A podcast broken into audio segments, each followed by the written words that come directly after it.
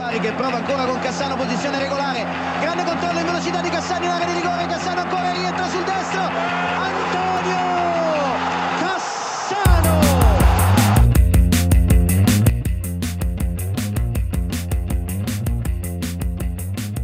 Hlustundu góður, punktur og pasta er komin að staða þetta sunnudagskvöldi 21. umfyrinni þó ekki lokið en langstæsti leikur þessar umferðar var að klárast rétt núna í þessu slagurunum Madonina stýttun á góðu milli raundotulegina í Mílánaborg og við erum hérna konum með frábæran gæst til okkar, Kjartan Alla Kjartansson.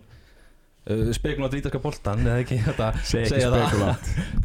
allavega. titlaði það. Þú lýstir þessum leik, þessum svona kannski bræðduga leik verður við bara að segja þér í já byrjun uh, Hljóti ekki stundismenn Milan Rósatti með hvernig Pjóli nálgast þennan leik Jú, ég held að þessi bara ósátt með hvernig síðasti mánuður hefur verið hjá þeim. Já. Þetta hefur ekki verið svona vond í mörg ár hjá þeim. Eru Hvað er 6-7 ár síðan töpu fjórum deltalegjum í röð? Það hefur allavega ekki gæst síðustu fimm ár, allavega. En hérna, þið er náttúrulega margt til list- listan lagt og þú hefur að fylgjast með ítalska boltanum undanfærin ár og náttúrulega fylgdist með honum vel hérna fornum dag. Já, ég hérna, er alveg upp uh, við það að horfa á ítalska boltan á sunnudöfum og, og svona þessi það er einhver einhver bilun, einhver svona sturlun við seria sem ég hrifst mjög af. Það er einhver svona ég veit ekki, það er einhver svona svo ofbóðslega mikill áhugi á fótbolta á Ítalíu einhvern veginn svona sem að maður getur ekki annað en heillast með og, og, og, hérna, og það hefur svona bara, þetta hefur viðhaldið áhuga manns á deildinni en, en þetta svona, það eru ræturnar liggja hérna í early 90s Já Þú ert interestunismæður Já, uh, sko ég var, var það ekkert. Ég var hérna bara mjög opinn. Ég var ólst upp sem mjög mikill Roberto Baccio maður. Já. Og mér er ennþá minnist að jólin 1994 held ég alveg öruglega uh, þegar ég fekk sem sagt Diadora, Roberto Baccio skóna, leggklifarnar og full kit Juventus. Og svo fekk ég líka hérna plötuna Líf með Steppa Hilmas og svo einhverja Sálunars Jónsmís plötu þannig að þetta voru Steppi Hilmas og Roberto Baccio sem að áttu þessu jól. Já, já. Já, einmitt uh, hérna, en og, og, og svo, svo, varstu- svo, í svarið sko, hérna, hann ég eldi Roberto Baccio og varð svona Juventus maður við, við, þegar hann var þar sko. Eðlilega. Eðlilega og það helst svona, þá var þetta mjög mikið sko, þá voru þetta hérna uh, hollendíkarnir í AC Milan og svo voru þetta þjóðverðarnir í Inter og svo varstu með Roberto Baccio hérna í, í og fleiri góðan alltaf í þessum Juventus liðum og þannig að ég, ég tók einhvern veginn ástfóstri við hann og, og, og var svona eldan en heitlaðist af til mér sem, sem AC Milan liðinu hérna, hvað var það, 94 mm uh, með Marcel Desailly þegar hann var kominn. Þannig að það voru alls konar lið sem var heitlaðast af en svo Svo var hérna bara svona í setni tíð já, Boban og, og Savicevic og fleiri, já Maldini. Maldini þetta og Tassaro og, og hérna, það var skemmtilegt lið. Hérna, sko, það var eiginlega Antonio Conte sem að soga með Inter, það talandi um þess að sturlun og bilun að, hérna, það var eitthvað í hann sem að ég fannst þetta skemmtilegt lið og, og, og svo bara eitthvað fór ég bara að horfa á og bara hort bara á mjög mikið af interleikjum og plan oft helgarnar út frá því svo já ok, reyna að vera hérna, svo get ég hort á inter. Já, þú ert, þú ert Já, alveg já, þar. já, ég horfi mjög mikið á og hérna og, og, og bara, ég er í, íþróttaheimili og það finnst öllum bara gaman að hafa þetta í gangi sko. þannig, að, Mhm. þannig að ég er alveg tel mig þokkalega harðan interista Já. í dag Þú ert líklegur í Juventus, á Juventus-vagnin þegar að konti kemur í sumar og Já, heldur það að gerist uh, Já, ég held það Já, Ég er þú, mjög svona þú ert búin að tala fyrir því Já, allavega ég held að gerist Já, Já, að leikrin alltaf vantanlega verður ekki Það verður, það er spurning sko, það fer svolítið eftir hvort þeir ná meistaraldildasæti Ef þeir ná meistaraldildasæti þá held ég að þeir sæki konti Ef ekki þá held ég að leikri verða áfram. Hvernig, hvernig er sambandi að Beppe Marotta á konti núna? Eftir að konti fór? Ég held að það sé nefnilega ekkert sko, sérstætt sko. Ok, Þannig að þannig að sé ekki Nei, ég held að hann blæði líka bara svolítið Juventus sko. Já, Ég held að já, það sé svona, það er heimaborgin hans og þarna í Torino og ég held að hann er að losna á samning í ég svona sýnist að Tottenham sé ekki fara að endur semja við hann. Samt er hann að fá að kaupa allt sem hann vil einhvern veginn. Þú veist, Já. Porro hendar mjög vel í hans leikkerfi. Já, út úr gín alltaf koma í sumar og já, já. það er Það sagði spurning. Að tala um Zidane líka náttúrulega. Já, Hann geti farið til Juventus þar sér En náttúrulega, hérna, Árni, þú ert með okkur hérna, kjartani í kvöld. Björn fær frí í þessari viku. Uh, Þú hefur náttúrulega farið á bæði sér lið í Mílan Hvað er svona, hérna, hvað meinast þú í, í Milano borgin? Sko Þetta er eh, erfitt að segja þetta sko En á þeim tíma sem ég er þarna 2017 Þá eru bæði liðin svona smá í lagið En þá sérstaklega AC Milan sem að Já, voru bara skelvilegir Það er bara Urbi Emanuelsson og, og Suso og Borini og þetta er bara alveg fárulega lélegt lið. Þetta var bara hugsa um þetta. sko. Þetta var alveg Já, þetta var bara lélegt. hvað þetta sökk djúft en þannig ég heitlaði svona aðeins meira af Inter á þeim tíma en það er alltaf sterkari rígur á milli Juve og Inter heldur en Juve AC Milan. Juve AC Milan er svona smá vináttu rígur. Mm. það er bara í gegnum söguna. Mhm. Inter og Juve eru meiri svona fjandur já. Það Þannig er að- lengri saga þar. þannig að ég, ég heitlaðist að Inter meira á þessum tíma en ég held svona að AC Milan sé mittlið í dag allavega sko, Já. í Milan. Hefur þið farið á San Siro eða á Giuseppe Mezza og hort á bæðili? já, já, bæði lið. Ekki þennan leik þó, en bara já, emitt Já, Já. sé hvort liðið það mann ekki kom, miðin kostaði á hennan borgaraslag þá sko, það var alveg vel dýrt fyrir námsmann. Það er heldur þess vesen að fara þarna út á leiki. Já, það veist er maður þarf að koma með passportið sitt með sér og okkur svona. Þetta er ekki þannig í öllum liði samt eða nokkuð? Er þetta ekki, ég meina, þetta er aðeins búin að batna Nei, það er sko allavega hjá Juventus þá var ég allt í norðin eitthvað stressaður því ég var ekki með passportið á mér um þarna fyrir í já, síðast ári þá þarna hendi ég bara upp þarna áslega örnu passportinu í, í símanum þarna rafrænu, Já, og það rafrænu dugði. aukuskirtinni það döði fyrir mig sko. Það virkaði það virkar á Ítalíu sko. Ég hérna, sko ég hef farið þarna tvisvar á völlinu og það er bara þetta var bara eins og ég var að sækja um landvistarleifi sko. Já, þetta er og ég svo er ég komin einhvern veginn í alls konar klubba og maður skráði sín einhverja postlista og þetta er alveg svona þetta er rosalega skrifstof ég er að fara okkur ég var að fara á Bologna spal og ég er að fara á okkur á Bologna skrifstof og sitja þar og býða það er einhver í þjónustu fulltrú eitthvað tekið á móti mér sko. Já, ég, En hvernig er þá með fólki sem er á vellinum? Er þetta þá bara mest, mest er mikið að túristum? það er ekki mikið að túristum þannig sko. en kannski í Mílan og kannski í Róm en það er ekki það mikið að túristum bara í Torino sko. þeir eru ekkert að sækja á þá Nei, uh, en þetta eru alveg vinsa lið á heimsvísu það er svona er, með stóra social media followers og Já, við sjáum bara eins og með, þú veist, allar þessar Twitter rekninga og vefsíður og eitthvað til bandarækjumenn Já, bandaríkjumennir eru trilltir í þetta sko Já. Calcio Calcium Cappuccino.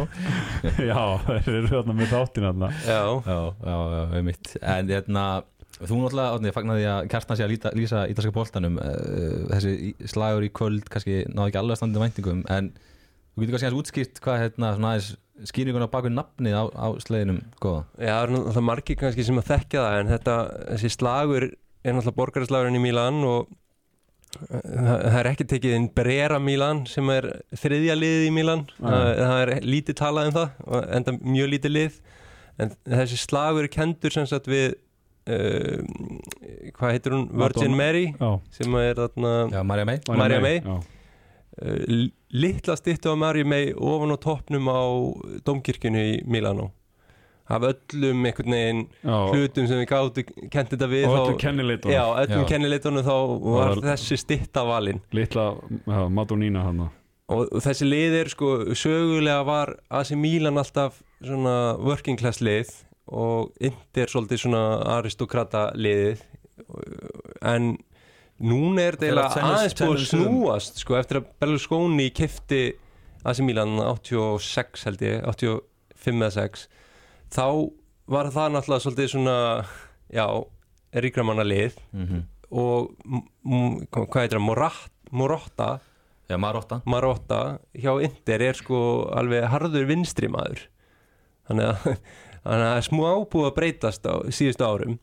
En hérna, en bara svona, þú veist Hvernig kanntu við að, hérna, kjartan að lýsa ítalska boltanum og fótbolta kannski yfir höfuð? Bara mjög, mér finnst það mjög gaman þetta er bara með því skemmtilegur sem ég geri og, og, og sérstaklega svona stóri leikir og, að þetta sé annar að þriði hérna, borgarslagurinn sem, sem ég lýsi hérna í, í Mílan Mm -hmm. og líka það er gott þegar maður er búin að gera þetta í smá tíma að hérna, mannmaður hérna, aftur í tíman og eins og í dag þegar Brian Díaz kom aftur inn á skilur að hérna, bara rifjast hérna, setni leikurinn í meistar árunni á Mílan upp þegar snýru leiknum við myndir reyndan að það verið 2-0 en Mhm. það var 1-0 og, og Sýrú skoraði svo tvö mörkarna bara svona, Mhm. þegar maður sá bara Brian Díaz kom inn og hann bara fekk maður bara svona flashback og hérna, hann að mér finnst þetta rosalega gaman og ég, ég er náttúrulega eins og segi maður er alveg upp á þessu 90s AC Mil- nei, hérna, serja sko, ég er á þeirri kynslu og hérna, þegar hérna það var eitt leikur í viku hérna á sunnudöfum og svo voru ítörsku mörkin og maður lá yfir þessu Ungur kjartan allir, hann vantilega bara væri að klípa sig Já, tilvísinu það núna, er bara Já, sko. og hérna, svo var alltaf svo fyndi hérna, sérst Atli Freyr Steinþórsson sem er nú hérna rúvari mikill uh, og var spurningahundir gett betur. Við vorum mjög góði vinir í esku og það var þannig að ég fór til hans sérst, uh, fór til hans alltaf ef skólinn var eftir háti, hann var ekki einsittinn þá vorum við saman fyrir háti alla dag, ég var bara hjá mömmu hans bara, það var bara samkomulega millir maður okkar og, og hérna og, og við, og svo voru við svona stundum í einhvern spurningakeppnisleikjum og ég pakka nú alltaf saman í hérna, ítalski landafræði. Og því ég gætt nefnt öll borgarnöfnin. Þetta er mjög góður í norðrinu aðalega hérna, þú veist þannig að mér finnst þetta ógísla skemmtilegt og mér finnst bara að það er eitthvað við ítalskan segi, sem er svo heitlandi það er ekki svona það er eitthvað svona það, er þessi ástríð einhvern veginn og, og það er þessi ófullkomleiki á hlutunum sem ég hrýfst svo af já Fyrir hvað er að fara? Já, getur tekið undir þetta kannski átni líka svolítið Jú, jú, það er Ég man, ég man ekki að það var eitthvað naparleikur eitthvað, það var eitthvað svartur ruslapóki sem sást í útsendingunni Já.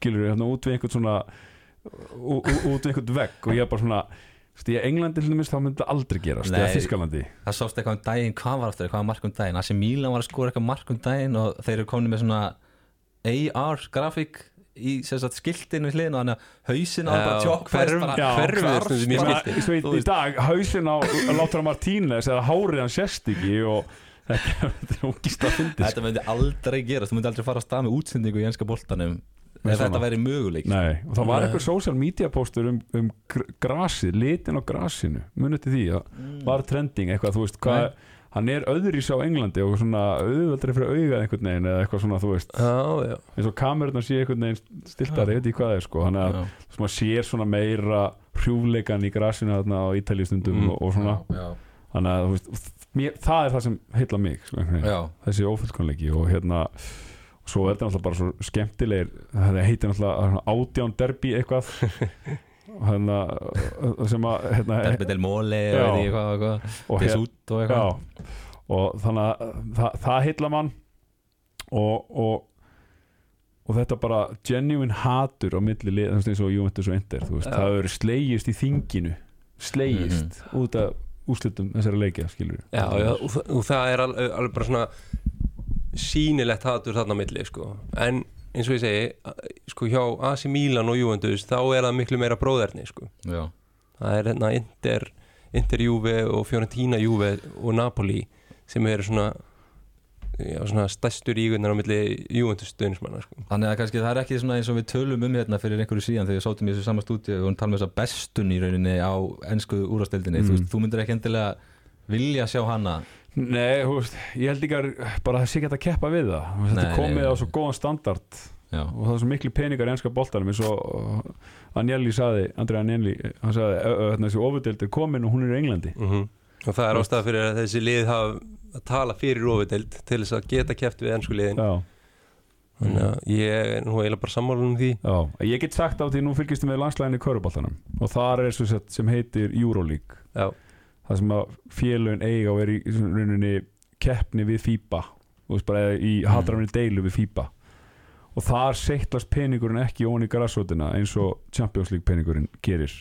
Eða þú veist, og Mhm. þessi stóru, þessi, þessi stóru fjárhæðir og, og hérna, sem UEFA lætur seitlast ón í grassótina þó að margir vildu hafa meira en þá er þá allavega, ég meina íslensk félagsliðar að fá uppeldisbætur sem er náttúrulega aldrei í körfinni þannig að ég held að hérna að ég veit ekki, mér veist þetta á mjög góðan stað eins og Já. þetta er í fótboltanum. Já, við sjáum samt að FIFA er að gera nýja keppni með félagsliða sko, sem er bara einhvers konar ofurdild. Já. það er eitthvað 32 liða Club eh, World Cup eða eitthvað. Já, en við spurðum hérna Val Pál sem kom til okkar hérna um daginn og Gumma líka bara svona, ef það væri eitthvað sem þú geti bent á eitthvað svona, þú veist sem að mætti gera betur eða eitthvað, þú veist, ef það væri að marka og, ítalska boltan myndur þú segja, væri eitthvað svona sem getur bent á sem þú hugsa bara, heyrðu, það vantar þetta eða þú veist, þetta er ekki alveg nógu vel gert. Sko, ef, ef við förum bara aðeins yfir þetta nú erum við hérna líka allir sem pælum í sjónvarpi. Mm -hmm. myndatakan, geggjuð. Mhm.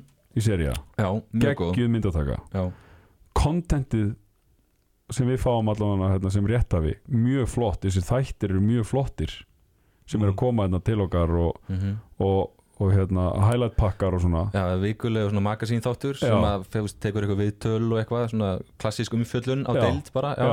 og hérna þannig að mér finnst það mjög skemmtilegt sko, hann er alltaf kannski bara aðgengi að sem er kannski svo deildir sem slík getur ekkert gert í því að mér finnst búndislíkan vera mjög svona ennskumið, þú getur að nálga svona content sem að búndislíkan framleiðir á ennsku mm um, en maður myndi vilja þú veist það er hérna fútbolitalia.net sem er mjög Mhm. góð síða en það er ekkert mikið meina það veist, ég les hérna daglega hérna, Sempre Inter sem er svona blogg og hérna sem er reyndar ég hef aldrei fengið að marga pop-up glugga eins og á þeirri síði sko en hérna þú veist, þannig að ég myndi kannski segja bara bara efni sem að, veist, maður getur svona á ennsku á ennsku þannig, sem þú getur svona að, aðgengilegt það er gegn Já. getum þessi fútbolitalia.net þá þýða þeir alltaf hérna fyrirsagnar í gassettunni Mhm. sem er mjög þægilegt Já, eitthvað two days paper eða eitthvað Já, hana? já, og, og, og, og fleiri blöðum en maður bara Já. svona pæli mest í gassettunni sko. já, já. þannig að Þú, hérna, Þannig að það er kannski ekki endilega gæði deildarinnar myndur þú segja, þú veist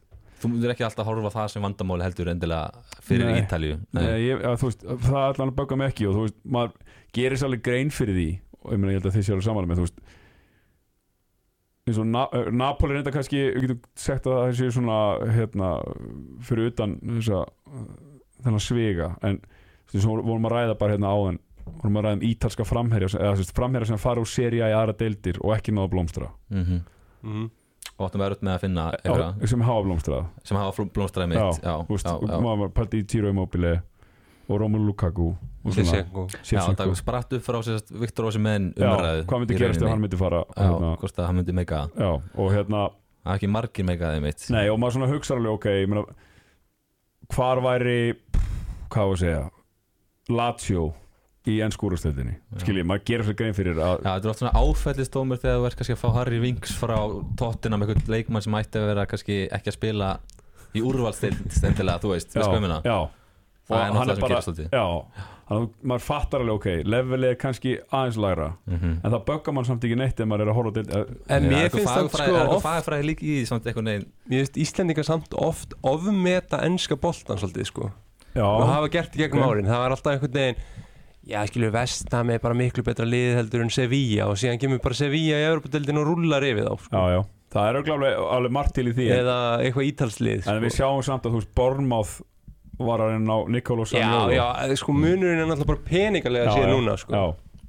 og hann er að sína sér svolítið náttúrulega, skilur hann er bara, bara síðustu 2-3 ár og sérstaklega í COVID þar sem að sjónvarspenningarnir skiptu höfumáli mm. fyrir deildinar Ég þá er náttúrulega bara ennski boltinn þar bara í annari deild sko. já, já Já. Þeir voru að það var hérna núna að vera bjóð í, í bandaríkjónum, ekkert eitthvað fyrir löngu ennskúrastéttina og, og hérna La Liga, ég held að hafi verið sko tí, þú veist, tíföld upphæð.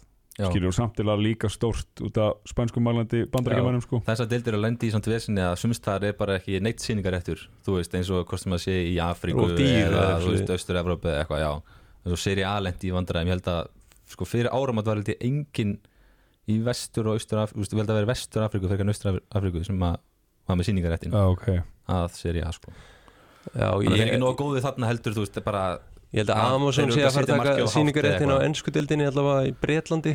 Þeir eru svona, hafa náttúrulega verið að sína einn og einn leik Af, í gegnum tíðina. ég held að það er svona líklegt að Amazon fara að taka bara yfir ennsku deildina í Bretlandi sko, já, Amazon Prime sko. Já.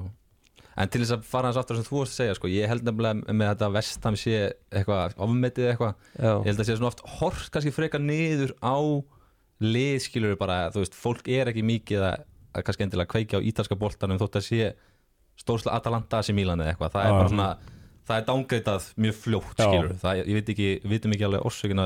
Nei, ég meina Nei, ég held þessi bara sko. áhugi Íslendinga er bara ennsku deildinni svo svakalega mikið Já, já. og þá held ég að Ró- þetta sé bara best skilur sem er til er. Já, já, en eh, og ég held að við getum alveg þú veist það má alltaf sanns við að færa þú veist eins og ég segi, bara Lazio hvar, hvernig væri Lazio allmis í ennskúrstöldinni, ég veit ekki hvernig það væri núna skil, Nei, nei, og maður svona kannski loka maður augunum fyrir því eða eitthvað, ég meina við vorum að horfa á hann borgarslag og Matti og Darmian er bara Mm. einhvern veginn búin að hljóta endur nýju lífdaga hjá Inter Mhm. sem að var hann alveg búin að hjá United en er Mhm. bet miklu betur á Inter en Já, fatti hvað já, er að fara já, já, veist. Þeir sem að horfa á enska boltan hugsa ok, þetta, þetta er gríndeild í raunina, því að Matti og Darmiðan er Ashley Young fór yfir. En það er líka spurning sko eins og bara Darmian hvaða stöðu hann spilar í liðinu. Já, já, hann bara alltaf öðru sér bolti skilur já, bara það hendar náttúrulega ekki allt sko, Já, og aðalega þessi leikmenn sem eru aldrei upp á Ítalíu er ekki mikið að fara. Anna, bara til annar landa er bara eiginlega Verratti sem er kannski svona já, búin að meika það annars staðar en við sjáum bara þjálfarlega að sé að og Já, það, já. það segir manni eitthvað um gæði sko, þjálfunar og, og væntalega þá leik ja, bara svona uppsetningar á leiknum. Og við sjáum De Serbi koma inn í deildina núna frá Úkrænu Mhm, og bara gera frábært mót þar. Þannig að já, ég held svona ítalska deildin er bara aðeins taktískari deild. Já alveg klárlega sko. uh, en hægari. og við sáum það bara eins og í kvöld þegar Pioli fer og speklar hérna leikkerfi leikkerfi Simon Inzaghi hvenær gerða það síðan, hvenær var Mílan síðast ég held að það var þriðju 2019 og það var held ég gegn mögulega Inter Milan líka. Þannig að að það er að fara í 352 þetta var Já. mjög sérstætt Mhm. það sem var eitt sem heilla mig og því við erum að tala um bara svona hvað heilla mann við ítalska boltan það er hérna sko, hérna, á, á Englandi finnst mér eins og þegar við erum að horfa á hverju geta að spila sentralt á miðinni það er hvernig getur hann varist við Mhm. komum til leikmaður sko. En á Ítalíu er sko hvernig getur við sótt með hann þennan leikmann, þú veist eins og við sjáum að Mikki Tarjan er bara komin í þetta með salalhutverk hjá Inter Mhm. uh, sem að hann hefur ekki verið í. Og við sjáum að Junior Messias var settur núna hérna á þryggjamanna miði í dag. Já, mjög áhugaverð svona, svona þetta er svona blæbreðmunur og, og Mikki Tarjan er að spila bara á miðri miðjunni í Champions League. Já, Þetta er einhvern veginn- og, og Tjalanoglu sem að hefur verið svona framsækið með þeim að dregin aftur. Og við sjáum til dæmis eins og það sem Spalletti er að gera Mhm, að draga menn aftur á völlin mhm. eins og með Lobotka og sem gerir með Brozovic að þú veist, þetta er svo rosalega áhugaverð nálgun á, á svona Já. öðri sér sín á, þú veist, það er, það er, það er meira að vera að horfa á djúpa miðmann í uppspilunni að margir þjálfar að gera það já, Skiljið? já, já, já, já. heldur en endilega að verjast sko. já, Þetta er bara mikilvæg mikilvægt maður Já. þessi, Jor- þessi Jorginho Já. leikmaður já, mitt hann er ekki tæklar endilega sko. nei, hann er meira bara svona stýra og eins og Verratti var framalega hjá Pescara Já, og já. við færuður í djúpa miðjum hann einhvern veginn öll Með- liðin með- eru með, bara, leikmann sko. er það góður Já. í löppunum sko. já, já. það er ekki, þú veist, endilega hraði eða eitthvað svona, það er bara fótbolltali gæði sem skipta náttúrulega öllu máli en hérna, kannski tökum smá hérna, smá, hérna, svona blaðarúnt að því að glukkin var núna að klárast í í hérna þessari viku og það var svona full rólegur, mér varst góð samlíking sem við fengum frá honum hérna James Horcastle sem að er frábær pöndin í milsinga geggjaður. Og mæli endilega með að fólk fylgist með ég held að þessi nú flesti sem hafa ætla hana áhuga á ítisku fótbolta sé að fylgja honum. Hann talaði um, var að tala um eðsluna hjá ítisku liðunum sem var náttúrulega bara sögulega lág hefur ekki verið eins lág í bara 20 ár. Mm. að sko öll ítisku liðin eittu jafn mikið og Leeds sem keist eitthvað sveita framherja frá Hoffenheim sko. Skilur þetta er bara jafngildi. Þú veist gæði sem hefur skorað tvö mörg fyrir Hoffenheim í þýsku mútislíkunni sem er kannski mögulega ne neðar röngu heldur en ítalska seri A sko. Já, ég held að alveg- alveg... þetta skýrist samt líka sko, þetta skýrist náttúrulega af einhverju, einhvers konar peningaleysi en þetta skýrist líka óvissunni sem að snýra að deildinni núna. Já, að Juventus er ekki fara að fjárfesta miklum peningum eða að vera að dæma á nýrum deild eftir tvo mánuði sko. Nei, það er náttúrulega svolítið það líka og mögulega eins og við tölum, tölum líka um sko deildin svona fyrir niðan tíundasæti er nokkuð við vitum nánast hvaða leiður fallin og leiður kannski ekki að styrkja sem mikið það er kring heldur bara frekar að spila á ungum leikmennum og svona en, en, en samt er Champions League sem er miklu peninga, það er opið Það er galopið, það er að galopið sko, það er þú veist, langmesta einhverju spennan Já, ég hefði haldið sko mér finnst svolítið skrítið að Napoli hafi ekki tekið sensinn á að kaupa aðeins Ég held að liðið Inn sé í bara hópinn, sko. skítrætt sko. hvað myndir styrkja Napoli? Sorry, ég sé að taka Vörninni, Já, sko. bara endilega. Vörninu myndi ég styrkja Napoli. Hvað meiri vördinni? Hafsendina. Já, Hafsend, fá auka Hafsend allavega til þess að geta rótirað af því að þeir eru náttúrulega hlaupum með deildina núna Mhm. og það er eiginlega komið en peningarnir eins og þið segið eru í mistardildinni og það er alveg sjens hjá Napoli. Já, Þetta er frábær spurning samt, hvað myndum maður að styrkja það sko? Af Því að þeir eru bara fárálega breytt sko. það, er ekkit endilega einhver komist inn í byrjunaliði sko, en, en bara það að geta rótirað sérstaklega á móti lagari liðum í deildinni. Já, uh, hérna, þú sem industrínismæður að því við erum að tala um aðeins gluggan hérna, Skrinjar fyrir PSG kjartan? Uh, skellur. Plótaka, sábúnur og góðu maður. Já, leitt að sjá eftir honum. Já, það sem er líka, veist, hann þetta var mjög svona, átti ég erfileikum í, í kvöld svona, koma framvöldin og sérstaklega svona lagari liðanum í seri A, þá er hann alveg tilbúin að stinga sér svona upp eins og, eins og Bastóni gerir reglulega. Já, hann hérna, hefur ekki alveg verið samt svona, maður hefur séð smá breyting á hann í ára og í fyrra. Hausinnast virðist það bara verið Já, í Fraklandi já. En hérna, finnst þér eitthvað skipta máli að hann sé að halda áfram það klári Út seasonið, það var ekki bara- Það hefur gert það áður og ég lasi mitt hérna í dag að interstunismenn eru bara sáttir sáttir við hann og þakkar hann bara fyrir og Já, svona ósáttir frekar bara með klöndi klúburinn höndla þetta þannig að hérna, þetta er þetta glata og það verður bara gaman að sjá hvað þeir gera í staðin þeir þurfa augljóslega, ég meina Stefán de Fræ getur ekki spilað núti. Nei, þú veist, hann, hann er meira inn í miðri vörninu og Tserbi sömu leiðis þannig að voru ekki verið að tala um Chris Smalling? Jú, Kúli Bali maður er að tala um líka. Já, Það er áhugast að sjá ég veit ekki alveg, maður sér ekki alveg hvaða leikmaður er að fara stíga hann inn sko. Því að eiga heldur ekki hann til fyrir sko. Ekki svona réttfættan hafsend Nei, nei, nei, það verður það hérna, leiðilegt að sjá eftir honum. Uh, Sanni Ólóðni hann voru meira drama í þessum mánu Já, Björn Már spáði fyrir því að hann væri komin í Fílabens kirkjugarðin í Tyrklandi eftir einhverja vikur og hann virðist vera sannspár. Hann, hann lítur út fyrir að vera að fara snemma, til sko. Galatasaray ef að þeir samþykja þeir höfnuðu fyrsta bóðinu en það er verið að reyna að tróða einhverjum svona já, kaupmála inn í að þeir þurfa hann að kaupa hann hvað fyrir 30 miljón eurur Já, hann verðist ekki alltaf vera eftir landstíman, landstíman hjá Galatasaray þá Það er eitthvað mikil græmi á honum og Karstorp náttúrulega sem að sitja sem fastastamt, hann fær ekki að fara neitt en, en bara þetta er búið að vera svona Já, það er samt eitthvað að hjá Mourinho og Róma, sko, hvernig þeir til að þetta. tækla þessi mál.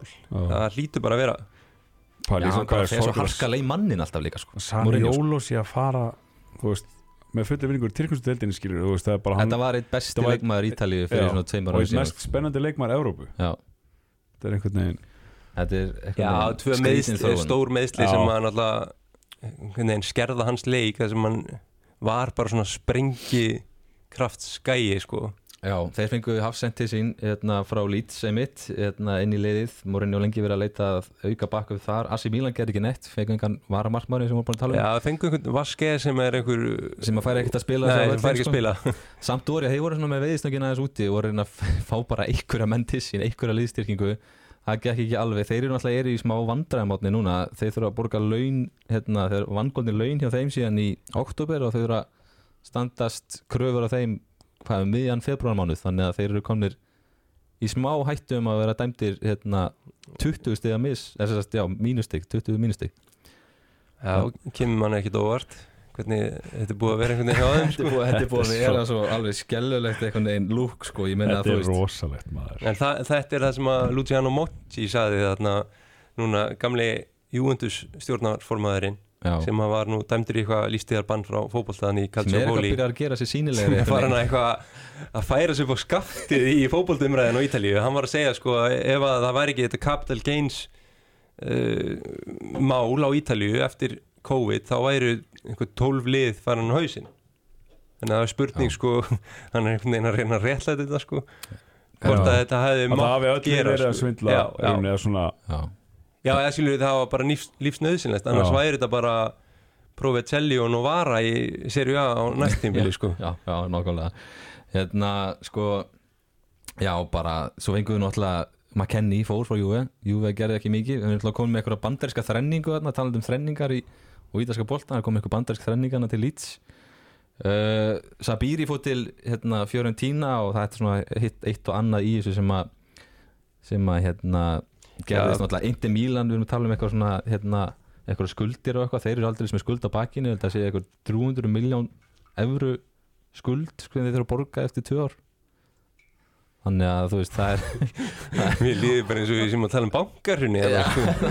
nánast þannig Hvað gerist? það er nánast þannig uh, þetta er alveg bara ótrúlegt Asi Milan líka situr í súpunni samar og það er verið að rannsaka dílinn hjá Viktor Ósimenn Þetta Já, er staðan Napoli, í ítalska já. Eftir januar Hún er svört.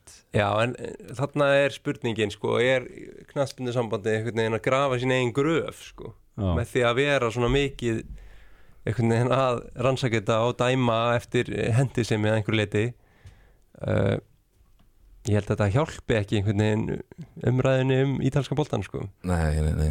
Sko, Hvernig ég voru þín viðbröð fyrir við, við sem sagt Júve málunu Það er bara einhvern veginn bara hissa sko veist, Já. maður bara já, þetta er þetta hefur þetta, en, en það er svona svona þeir hafa verið mjög naskir á að ná sér leikmenn á frí transfer og svona hlutir sem voru búin, þú veist, búin að þú veist, var ekki Emre Can frí transfer? Pirlo Í- Pi- Já. Pirlo, Pogba. Pogba, var frí, þú veist, þetta er svona fleiri sko. Og einhverju Ram, Aron Ramsey. Já, Man ég hvort að Vidal hafi jafnvel verið líka Kedira Kedira já, Kedira Já, það er alveg margir sko. Já, já, já Já, ég er að ruggla, ruggla já, er, ég myndi Kedira sem að ég var að hugsa um Já En já, þetta er, þetta er búið að vera meiri mánuðin sko. og, Hva- og, og, og Tjan, var Tjaning líka? Jú, ég- gott ef ekki sko. Nei, mitt. En Þannig hver, að- hver er þú veist fyrst þannig að hann maður svona þeir hafa greinlega einhvern veginn það er eitthvað attraction sko þú veist og, og svo er bara einhvern veginn business afi sko hann að hérna já þetta kom hann í einhvern veginn óvart náttúrulega maður býst ekkert við því að hlutin sé svona þetta er samt búið að vera í, umræðin einhver tíma mm -hmm. að hafa eitthvað verið en það sem ég er eiginlega bara svona veist áhugaverst í allir þessu umræð hlusta á okkur ef að samt orði að fara ykkur mínus 15 stig eða eitthvað svolítið fara þá í mínus þeir eru með nýju stig Já, já. Það var geggjað. Enda með mín eða þú veist þá fara þeir í mínus 6 Já, við vorum líka að tala um daginn sko, að það hefur ekki gerst, held ég, það gerðist ekki í ykkur mörg ár, eða sérst, já, það var sérst á milli 2006 og 2015 þá gerðist það held ég einu sinni að liði var ekki dregin mínustig. Já ok. Í efstu tegum deildunum á Ítalíu sko. þannig að þetta er bara daglegt brauð að þeir eru að refsa liðin fyrir Mhm. mismikið náttúrulega. En hérna það er svona allir, allir að reyna að hérna, gangið slant og hægt er. Það, Já, þetta sko, er- það kom von- út skýrsla núna þarna, varðandi af hverju þessi stig er tekin af Júndus frá knaspindasambandinu alveg einhver 360 blaðsíðana skýrsla sem að ég las nú ekki en það var stiklað stóru fyrir mig á netinu og ég las það. Þar kom fram að ástæða fyrir að Juventus fær svona harkalega refsingu fyrir þetta er að þetta voru sí endurtekin brot og það voru allir stjórnarmenn Juventus sem vissu af þessum brotum okay. og tó- tóku þátt í að leina þessu og það er kannski svona ástæða fyrir að Juventus lendir svona ill í þessu frekar heldur en kannski ef Ósimenn dýllin verður dæmdur að eini dýllin sem Napoli gerir sem að er svona vafasamur að þeir fái þá minni refsingu heldur en Juventus út af því að það væri bara í mörg ári búið að vinna að þessu hjá Juventus að svindla á kerfinu sko. Hva, hva, og hvað finnst þér sem júndustöðismann og svona, hvernig lest þú í þetta og, Mér finnst svona kannski áhugavert bara að fara að dæma í þessu á þessum tímabúndi mm. það er einhvern veginn rannsóknin er að einhver leiti ennþá í gangi finnst kannski full snemt að gera þetta kasta á þeim bara Já. 15 stiga refsingu já. bara einhvern veginn smá út í kosmosið bara í janúar uh, og líka ofan á alla þessa erfiðleika sem er í gangi og, og þetta sem er í kringum klúbin já, líka bara það að þið voru okkur áttalega sigurgöngu þegar þetta gerist já, Já, já, sko kannski það er náttúrulega ekki lægi að brjóta reglur. Það er bara, það á ekkert að gera það. Og ekkert að fara svig við reglur og sérstaklega ekki ef það er meðvitað gert. Uh, en ég held að það hef bara verið betra að býða aðeins og sjá hvernig einhvern veginn málinn þróast áður en þeim er af því að sko, Júventus líka mikið svona fórnalamb í þessari umræðu sko, mm. því að þau eru einhvern veginn alltaf hamrað á Jú- Júventus í þessum málum. Já. Hérna, eigum við svolítið ekki að tala um smá fótbolta Jú, í þættinum og reyna hérna, þess að þetta við sko. Þau rennum aðeins yfir bara hérna, þessa umferð. Uh, Þetta er náttúrulega var þessi leikur sem við erum að tala um sem að hérna var að klárast AC Milan, Inter og þessi baróta meistarleilsæti eins og koma þess inn á núna hún er orðin allt svakaleg því Róma var komst upp í annarsætið í þessari umferð fyrir um helgina. Og AC Milan-legir sittur náttúrulega í sjötta sæti, set, sjötta sæti eftir þetta tap. Uh, hvernig svona, kannski bara best að spurja þig kjartan þú veist að við aðeins svona komið inn á bara taktikina Pioli og svona. Bara hvernig fannst þér leikurinn í kvöld? Það var náttúrulega ekki skemmtilegur. Meina, og maður ber þetta bara sama við svona síðasta stóra leik sem ég lísti það var uh, Napoli-Róma sem var geggjaðarleikur mm -hmm. og það er náttúrulega ekkert eðlilega gaman að horfa á Napoli og ég meina, þú sem var inni og tala nú eftir um það eftir þann leika hann, hann setti hérna á social media eftir að hann var mjög stoltur af liðinu sem er svona Tók óvanlegt. mynda liðin eftir tapleik sko. og mjög óvanlegt eftir tapleika hann sé svona stoltur af liðinu. Já, betur og hann svona peppaði, peppaði sína mennu upp og hann er svona fann að tala allt öðru sem hann gerði nú erum við að tala um einhvern veginn næstu kynslu og eitthvað svo leis uh, hérna uh, þannig að þessi leiku var mjög flatur og bara hvernig Asi Milan kom inn í hennar leik augljóslega ekki það vel drillaðir í þessari leikafélag sem leið ekkit það vel.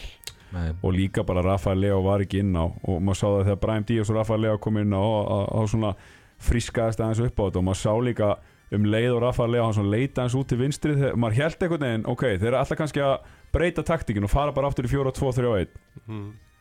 og þegar Rafael Leo kom inn á svo og þá fór hann bara fram en hann leita hann út til vinstri og hann og Theo þetta er bara eins og okkur tannhjól í sömu vílinni, þeir bara finna hvort annar strax og ég held að það hefði verið hérna Það sérstætt að fara í 3-5-2 þarna þú veist að því að liðinu er búin að ganga svo vel. Já, í, yfir, þú veist bara yfir síðustu þrjú ár já, búin að vera alltaf þetta stabíla þú veist með sitt. Vissulega eru búin að tapa 5 að síðustu 6 eða hvað sem það er. En bara þú veist það er svona skrítið þjálfara múf bara þú sem þjálfari þú veist að Mm. vera eitthvað neginn fyrir þennan leik að fara fyrir að breyta. þennan leik líka? Já, það mjög spes en þeir sakna líka Ísmael Benacer svakalega mikið. Já heldur við þurr þú veist, hann mér, og hérna og maður, maður sér það, þú veist, eins og þegar hann og Sandro Tonali eru saman djúpur á miðinni hvað hann svona heldur aðeins og leiði Tonali að flögra svona um finna spottin sín hérna svona leitur svolítið í vangin og krullar hann svona fram þannig að hérna þeir sakna hans alveg svakalega og svo svak, sakna hann alltaf mannjan í markinu alveg ríkalega mikið sko. Já, þó, Þeir- þó að Tatur Sanna ekkert geti gert í þessu marki Nei, og og var hann hérna mjög vel Já, varði vel en það er bara leiknum. eitthvað svona óryggi hann í kringum hann að var já Varnamenninni tristunum ekki Það er Nei, Það er menn þeir kannski tapa síðan vandamálið. 3-0 í hérna, Superkoppa um Já. daginn á móti sama liði En þe- þeir heyrið, við- maður er bara einhvern veginn að pæla í hvernig Mílan kom inn í leikið því að Inter þurfti ekki að gera neitt Nei, einmitt Nei.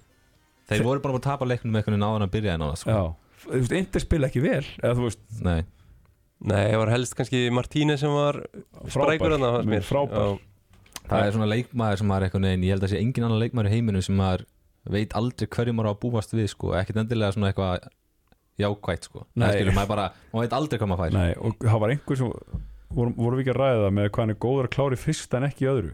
Jú, jú, jú, við vorum eitthvað að tala um það að hann sem sagt, Björn held ég hafi verið að vekja aðtekla því að hann skorar ótrúlega mikið af mörkum með því að skjóta í fyrsta. Já, hann bara, já, hleypir bara boltan og neglir eins og þarna á móti Liverpool í, Champions League. Akkurat, það sem að bara svona kemur eitthvað algjörlega ótrúlegt. Já, já, já. En svo þegar maður býst við hann sé að fara bara leggja hann öðl í netti að þá svona verður þetta oft svona erfitt. Og maður sér það eins og í svona leikjum það sem að anstæðingur er leggst uh, aftur hvað Inter sakna Kristján Eriksson mikið. Hann er, var mjög góður svona, svona að leysa þessar hnúta svona untangle, untangle af vörnin einhvern Já, veginn Brósovits líka náttúrulega bara, þetta er allt annað lið þegar Brósovits er ekki, sko, Já. eins og við séð, sko, bara Já. eitthvað ekki næstu jafn stöðugt, einmitt kemur eitthvað svona rót og bara Tjallanoglu er ekki leikmaður þess að vera aftasti leikmaður á miðu, bara eins og við erum að tala um áðan Nei, í þessu svona hlutverki, sko, regista. svona regista hlutverki, sko. sko, og, og, ég, og mér finnst Dzeko vera komin svolítið yfir hæðina sko. Já, það er með þess að meir en ár síðan það var, sko. já, þannig að hérna ég veit ekki alveg með það. Og svo er ég mikið Dumfries maður, ég vil helst hafa hann inn á.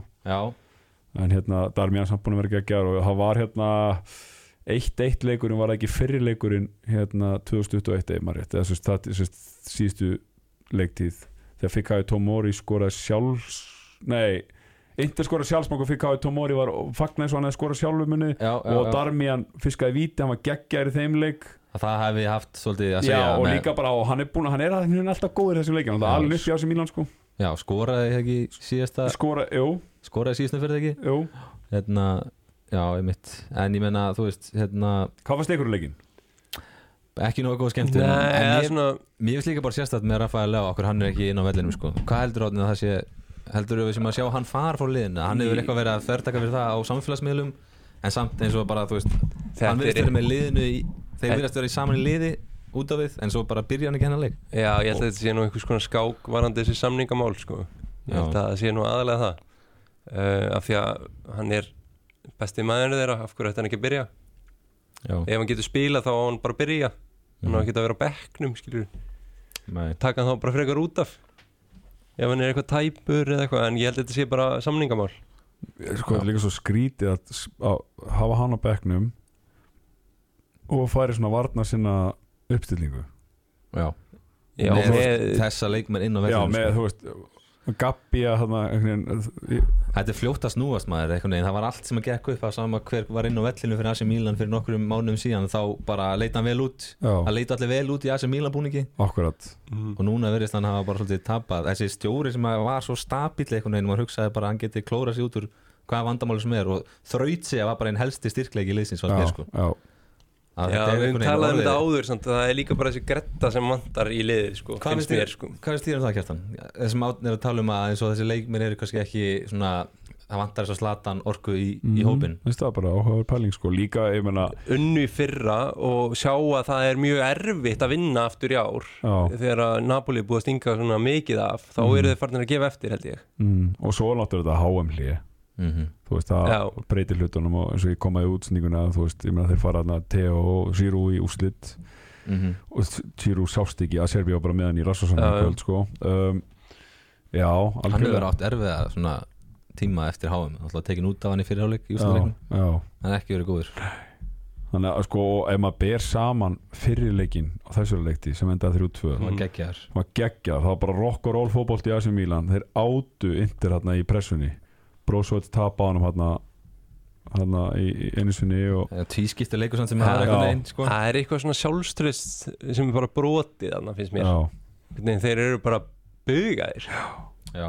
Það verðist eitthvað er. margt vera ángrað á líka eins og ég held í mitt að það keti, keti larimál með svo skrítið einhvern veginn þeir hefur bara átt að lána hann í janúar sko. Einhvern veginn að reyna einhvern veginn að halda áfram að láta þetta ganga. Bara lána hann til Sassuolo eða eitthvað. Já, skilur, lá- það gaurin er algjörlega án sjálfstöðust náttúrulega var ekkert með í dag. Nei en bara einhvern veginn svona þú veist Mér fannst það líka bara og ég er mjög hrifin af Brian Díaz Mhm. ég horta á alveg fullt af Asi Milan-leikjum og mér finnst einhvern veginn aldrei slakur nei. hann svona, að gustar svona um hann einhvern veginn og hann er góður í svona link-up playi virtist verið eitthvað svona þetta átti að vera allt of varna sinna í dag hjá þeim einhvern veginn hann myndi kannski ekki fitt inn í hann það myndi ekki hlutverk, fyrir sko. það en Já. hann fór hann fyrir aftan hafsenda, nei hérna sendarana Mhm. og svona milli hafsendan og, og miðurlínunar hjá Inder að ég veit ekki og fá einhvern veginn keitilari í hans stöðu sem að einhvern veginn uh, uh, er ekki alveg tilbúin í þetta greinilega? Nei, já, já. Nei, mitt. Gæði samt í honum. En aftur að, að leiknum kannski aðeins þá þarna bara, langar að rósa bara Martínez enn og aftur sko, af því að hann er oft dæmdur út frá færunum sem hann klikkar á. Það er Mhm. frekar algengt hjá svona fótbolta áhugamönnum að sjá bara að þetta er frammeri sem er að klikka hérna færum en vinslan hans inn á vellinum er eiginlega það sem hann er bestur í finnst mér Mhm. sko. hann er mjög góður til að- búa til svæði fyrir aðra sáum það í HM-leiknum, úslitaleiknum í HM, þegar kom hann kom inn á Já, fyrir hann þarna Alvarez sem var búin að já, hlaupa allan leikin og vera duglegur þá einhvern veginn allt í hennu þegar hann kemur inn á í, í framleikinguna þá breytist aftur leikurinn hjá Argentínu af því að þeir fá nýja svona nýja vittir í sóknarleikin akkurat Já, ef og mér finnst hann gera það fyrir uh, Inter líka Já. að Lukaku og Dzeko eru svona svolítið svona hægir og þungir gæjar og hann þarf svolítið að búa til svæði fyrir þá til þessi virki. Já, það er svona, hérna, talið um Martínez er eitthvað þannig að þeir sem eru að tala um hann fylgjast ekki nógu vel með honum. Þeir viti ekki, þú veist, ef þú veist hvað þú ert að fá frá honum þá er hann góður, en ef þú skilur heyrir eins og þegar var orðaði við Barcelona Já, fyrir ykkur tveimur síðan, þá fór allir að hæpa hann upp skilur og svo komið ljós bara, herðu, hann er kannski ekki alveg jafn góður og við heldum, nei. Um leið og ferð að hæpa hann eitthvað upp sem hann, um eitthvað sem hann er ekki Mhm. þú veist, þá hérna, verður hann ekki nógu góður, eins og segir, þú veist, bara í þessu hlutverki sem hann á að sinna sem leikmaður, þá er þetta bara fýtt leikmaður fyrir indi Mílan, sko. Já. en hérna já, þessi hérna, leikur náðu ekki alveg að standast undir væntingum en Indilið er búin að koma sér svo sem í góðastu AC Milan liði hins vegar. Þeir eru bara í frálsufalli eins og við komum inn á í síðustu viku, við langar aðeins að hérna, nýta tækifærið með að vera með kjartarinn og ræða eins þetta Napoli, þú ert Mhm. náttúrulega að stjórna um fullur um meistarildina Mhm. hérna, á stöðu sport. Uh, Hvert heldur að þeir geta farið í, í mestadeldinni, við byrjum bara þar. Frábær spurning sko. Mér, mér finnst einhvern veginn bara sky's the limit með þetta lið sko. Þetta er hérna veist, þeir fengur náttúrulega Frankfurt Já. í hérna já. Þannig að þeir ætti alveg geta klára, klára það. Geta það komist í, heldur þessi lið sem getur komist í úsliðleik mestadeldinnar eða? ég með það bara fyrir eftir hvernig, hvernig drátturinn verður og svona en það er rosalega hátt orkustig. Þeir leika, eða þeir svona passa vel saman uh, líka með sko, þetta er var geggja svar, uh, geggja pælingi átna með að styrkja hérna vörnina. Mm bara breytt í miðvarastöðuna Mhm. þeir eru með, þeir eru með breytt, þeir eru með Olivera sem kemur inn í vinstri bakverðin uh, og þeir eru með breytt Hægri bakurinn keftu sér breytt núna, fengur pólveri frá samt já, Dóri hérna Bartos, hérna Bersinski uh, uh, og svo eru þeir með sko breytt bara í öll, öllum leikstöðum, út vængjunum miðjunni. með Politano og Já. Elinor Sann og starta að telja svo eru með Simeone sem er að koma inn á breytaleikjum og Raspadori sem er að koma inn á breytaleikjum. Þrjá bara frábæra fram frábæra framherja og svona allir frekar eða þú veist uh, í að ég myndi segja Raspadori svona vorum að tala um Látra Martínu svona vinslugægi svona þú veist og duglegur. Göstlari slið já mikil göstlari. Já, svo allt með Ósjumenn sem alltaf göstlar en hrikalega mikið gæði í honum sko. Já, og svo Simeone sem það er mörk í honum eins og hann kemur inn og breytir þetta leiknum út í Róma. Þannig að þeir eru með svona lið sem að þetta er ekki bara 11 gæjar nei þannig að ég, ég hef miklu trú að þeim en haldið þið að seria sé bara búin Já, Im- Ha, Ég- já, bara 100%. de- deildakeppnin. Já, bara skúta eftir Já, hana. já, já, ég nefndi það í síðasta þætti að það er sko, gallin við serið að núna er að það er ekkit annað besta lið í deildinni Nei. sem að gæti mögulega að ná þeim eins og City á Englandi það sem að þeir eru einhvern veginn bara Arsenal búið að spila fáránlega vel en það er alltaf City Já. einhvern veginn á bakinu á þeim já, og uh, Spáni líka Real Madrid er alltaf Real Madrid þó að þeir séu kannski einhverju lagið núna. Já, uh, en það er bara Liðan fyrir spil- er ekki nú sterk. Já, Inter tapa Einhvern veginn. bara fyrir allt í unni einhverju Cremonese eða Spezia já, eða eitthvað já. og AC Milan bara í frjálsufalli Lazio er bara Lazio og, og Roma skilur tapa fyrir Cremonese í byggarnum já, þannig að ég ég held að Juventus var eiginlega eina liði sem ég hefði trú á myndi ná þeim sko ef að það væri eitthvað lið sem myndi ná þeim. En Já, þeir eru komið 13 stöða fórustu eftir 20 já, ég, þá, þá er það bara búið sko. Já, það er líka bara eitthvað það neina þarf að vera alvöru meltdown sko ef að en ég held Líka þeir hafa komist í gegnum þetta skilur þeir hafa komist í gegnum þessa háumpásu. Við heldum kannski að þeir myndi eitthvað neginn dala aðeins. Já. Það væri bara hræðilegt fyrir þá. Og þessi gæri voru ekkert að fara að háveim og þeir voru bara að spila ykkur upp í fjallaþorpum skilur ykkur æfingarleikjum úti miklu liðum og eitthvað svona. Já, en þú veist, þeir hafa bara náða að höndla þessa pásu bara fórmálega, þeir, þú veist, það gengur allt með þeim sko, þrjú mistök í dag þeir bara, þú veist, eins og þeir vinna Spezia í dag og þetta eru allt varnamistök sem þeir bara ná að kapitalisera á sko. bara að nýta og og, og mér finnst líka út í við sáum hvernig Róma nálgæðist hérna, leikinum til Napoli. Að Róma liði lág aftar með þessa hérna, þú veist, Kristante og Matic djúpa miðin í svona að hjálpa til við að svona múra hans fyrir og, og svona. Þeir, Sielinski er ógeðslega góður eins og hann á þetta fyrsta mark, ekkert á það ekkert en hann á rosalega mikilvægan þátt í markinu þannig að hann snýr sér fyrir fram að tegin Mhm, og, já, og, já, og já. ég held að á Krist, og Mancini stegi út í hann. Hann, hann reynir að spila Mancini út út á Rúi og Rúi hvað að skilja og hérna hann er svona Sielinski, Lobotka og Angissa, þetta er svo góð miðja fáránlega góð miðja sko. þú ert búin að vera bara Ég vera búin að tala um mikið þetta alveg fáránlega mikið þessi miðja er bara eitthvað sem, besta sem ég séð sko.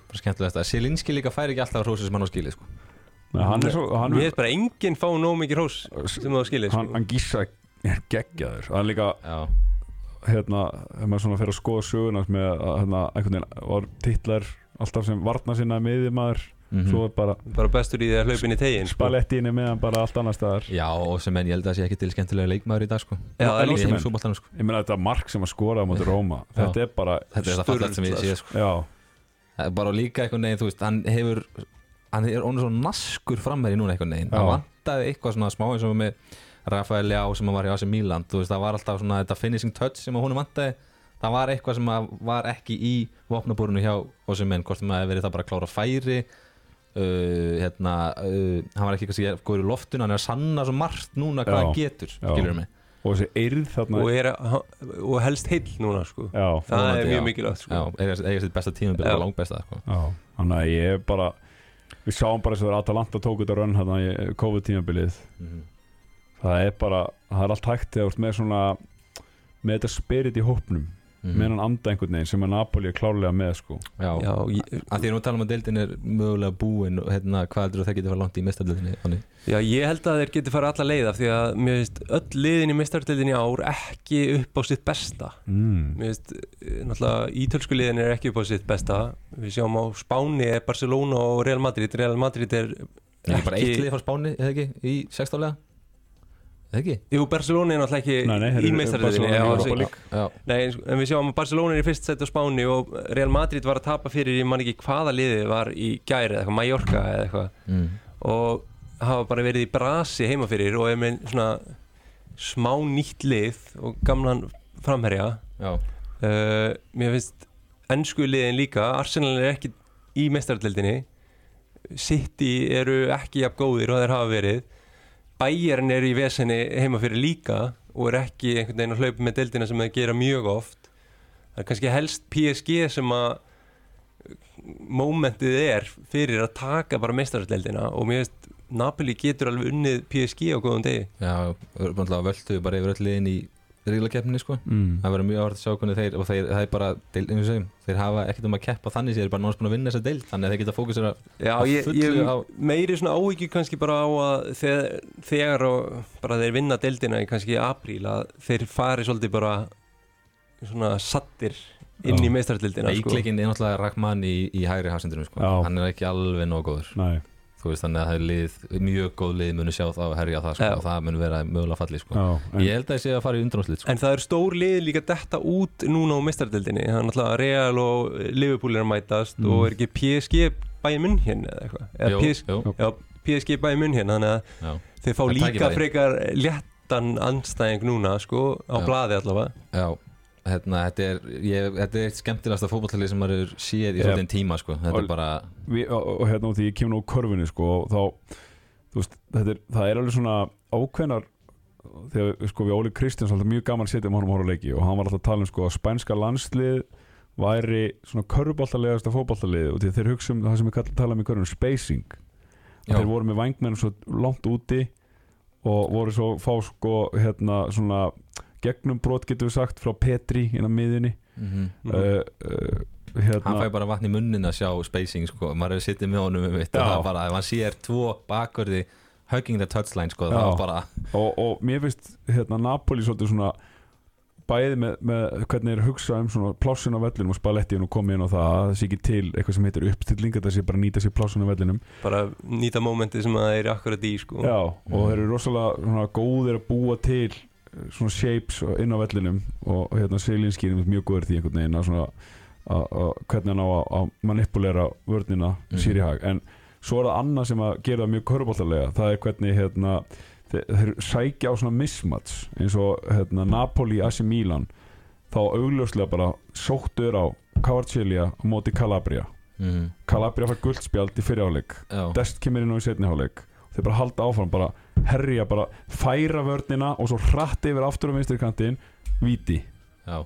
Þetta er svona körubóltalegt líka Já, má segja það bara ekki? herja mismatchið. Já, þeir já, voru já. bara með mismatch og hérna á, á vangnum og, sem áhorandi er svo fallegt að sjá það sko. Já, og þeir eru svo góðir að nýta sér þetta. Já, þannig að hérna svo líka bara eins og Mario Rui. Hversu góð bakur er það? Já. Geggjaður Mér var held að þetta væri veikleiki liðsins en hann er einhvern veginn búin að vera sannaði sig mjög ekki, góð sko. en bara búin að vera á Di sko. Marco leveli hérna, þetta sko. sísón sko. Já, Já, það er hérna það var eitt áhugaður eftir leikin í dag það var mikið af svona þjóðurinn inna á sama tíma það var hérna Úsbyggi, það var uh, Georgi maður, Ísraels maður, Grikki Slóvaki, Slóvenni, ég veit ekki hvað hvað, mér finnst það Mér finnst það skemmtilegt sko Við höfum að nýta hérna, þú sért hérna að tala um ítalska boltankjartan uh, svona fyrst þú ert komið til okkar bara svona aðeins þitt álit á Juventus bara svona fyrir utan allt sem hefur verið gengið á utan allar skilur sem klubur Já, bara sem, á þessu tímabili í rauninni Já. sem, sem lið. Vá, þú veist, þetta eins og mjög- mistadeldin þetta og er svona.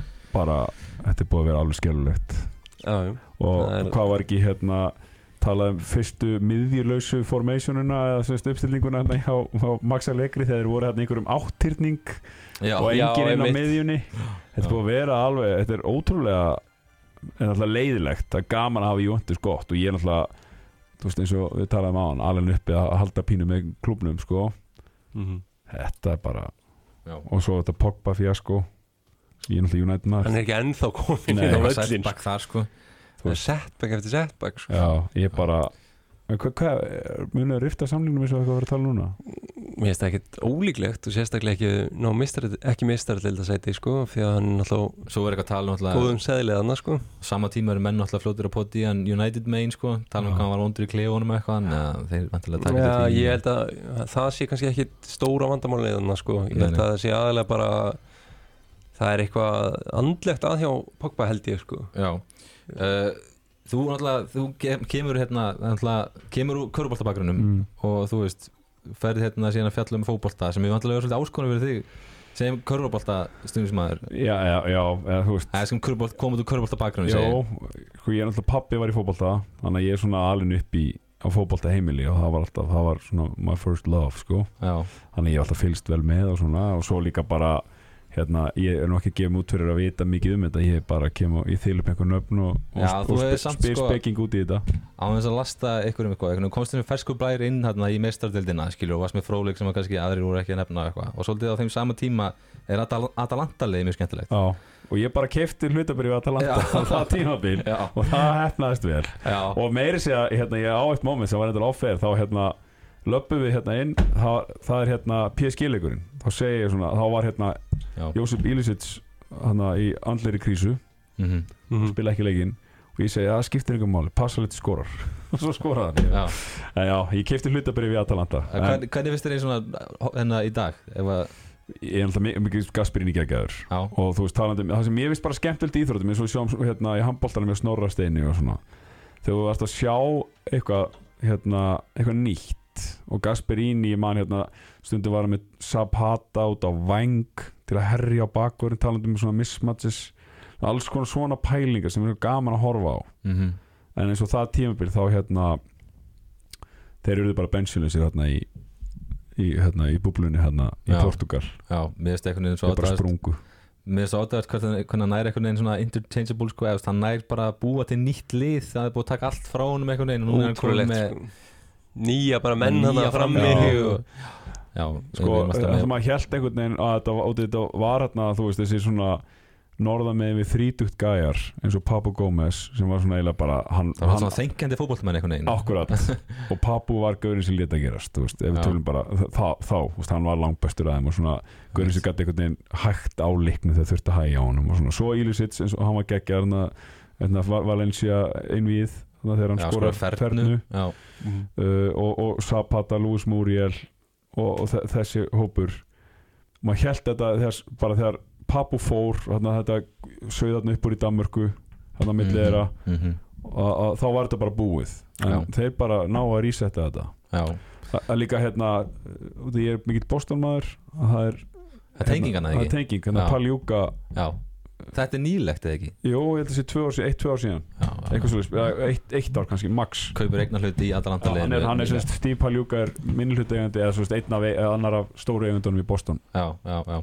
Já, það verður gaman, þeir töpum mútið Sassuolo um helgina og við erum alltaf Já, mér langaði að koma inn á eitt varandi þarna, svona, erlenda fjárfestingar í Serie A. Það er náttúrulega þetta JP Morgan fjárfesting sem við erum að tala um að þeir eru alltaf komið með miljard dollara inn í dildina fjárfesta fyrir miljard dollara sem er mjög áhugavert en höldum áfram með og hvað, umferðina. hvað, það er ekki alveg vita í hvernig formið þetta verður hvort þetta sé einhvers konar síningarétts eignar hlutur eða hvað þið ætla að gera. Bara einu bara sjá- eru þetta sé bara einhver einspýting inn í ítalska Já, boltann, þetta er bara fjárfestingamöguleikar fyrir held ég hjá JP Morgan sko. ég, það, það er klárlega eitthvað untapped þarna sko. Já, já, þetta er eins og 100% þegar, þegar Paris Saint-Germain var keift þetta meikar alltaf frá fullkomið sens að vera með stjörnum prýtt lið í stærstu túristaborgi heimi sem allir Já. vilja fara að sjá. Já. Mhm. þú veist, og líka það bara Ítalja sem allir fara og að bara svona, eins og bara þetta að kaupa sér með á völlin að þessi eitthvað aðeins auðveldar og Skilja, Já, það ekki við úti, talaðum en það að sko Fenegar er svona unexploited einhvern veginn möguleiki sko. Mm, svona risa túristaborg sem að er ákvarðat við erum ekki með gott fótballalið þar sko. Flotta, Já. flotta búninga samt. Já, mjög flotti búningar og Ná allt keyra mjög vel gert í kringum en liðið er ekki nógu gott. Nei, nákvæmlega. Hérna, við kannski alveg að fara yfir alla umferðina en langar bara svona rétt í lokin að minnast að Mikael Egil, taldum við Fenniðar hann náttúrulega byrjaði hérna fyrir Fenniðar í dag þegar þeir, töpu, þegar þeir unnu Benevento, ætlaði ég að segja. Uh, og stjórið þeirra Cannavaro, Fabio Cannavaro var reikin í kjölfari uh, gaman fyrir Mikael Egil að fá byrjumleisleik hann er ekki náttúrulega að byrja fótballleik á Ítalju Já, frábært fyrir hann að fá einmitt sigurleik líka í kjölfarið út af því að. Það var kannski svona, já, það sama sem merki enna Mikael Egil er komin inn í liðið og þeir vinna loksins leik Já, í bjöldinni já Albert tapar á móti gen- hennar móti Parma Í- Íslendinga. Tardini á vellinum. Tardini vellinum. Við erum byrjað að horfa svolítið, færa svolítið sjónir okkar yfir til seríu B sko. Mm. það er náttúrulega Rajan Angolan er mættur í deildina og byrjar að setja marksitt á hana þannig að Sá og lítur ekki karakter. Já, svo lítur ekki en hérna bara svona að því við erum held ég að vera bara tæmdi með þessa yfirferð uh, bara kannski aðeins öðru státtur í okkur þessa vikuna sem að við fórum bara svona víðan völl. Mér langaði bara, erum við ekki að hafa eitthvað skemmtilegt í lokin og láta kjartan Jú, Já, mér má langar ég spyrja ykkur einu áður? Já, Hvað finnst ykkur flottistu búningarnir í dildinni? Sampdoria, ekki Cremonese maður. Alltaf Sampdoria. Sampdoria? Já, uh, þetta er erfitt er Mitt held að ég held að bara toppliðið fyrir mér í þessum hérna Napoli. Já, Armani. Já, já, já. Ég- Líka bara lúkið á spaletti í þessum gráa galla. Með pennan í kjæftinu með pennan í kjæftinu og svo er það með allar svo svona hérna, öll þessi arbönd og hálsmenn. Þetta er, þetta er svalasti gæðin á hliðalínu núna, það er bara þannig. Það er reyndar ekkert eitthvað svona einn eitthvað sérstaklega fallegri búningur en annar sko, þetta er ekki svona fenniar Nei. það er ekki eitthvað fenniar búningur sem er Nei, Sampdoria, jú, hann Ég finnst bara. Sampdoria alltaf flottast búningurinn í þessari deild sko. Þetta er bara, ég veit ekki hvað það er. Hvað var, var þetta ekki AEG sem var alltaf með framannarsveint í gamla daga Þegar Erg eða ekki? Erg, ERG, ERG, já, já. Já, já Þegar hérna Lombardo var á vangnum Já, Torino búningarnir finnst mér líka einhvern veginn alltaf að vera mjög fallegir. flottir sko, þessi, þessi börgundi einhvern veginn litur sko, en hérna Ég því að það er Lombardo, það er fyrir ykkar tíð ekki? Að Jú, það er Vialli og Lombardo og og Mancini eða Lombardo nefnilega var sko með hérna svona skalla og maður man er fast hann alltaf hann var 25-6 ára sko Já. og lúkka eins og hann var í ferdu ekki hægri kantinu með ekki Jú. Hann væri búin að fara til. Tyrkland núna ef hann væri í boltanum í dag sko. uh, Átni, þú ert með eitthvað spurningu eða ekki fyrir kjartan Herjú, eh, svona sp- spurning um bara Ítalíu sko. Já. Ef að þú átt uppáhalds mat, uppáhalds stað og uppáhalds moment sko og jafnvel uppáhalds völl já, er já sko ég- er kannski ég, þegar við fórum til Ítali hérna fjölskylda núna síðast það var rétt fyrir eða, sérst, já, það er 2019 hérna.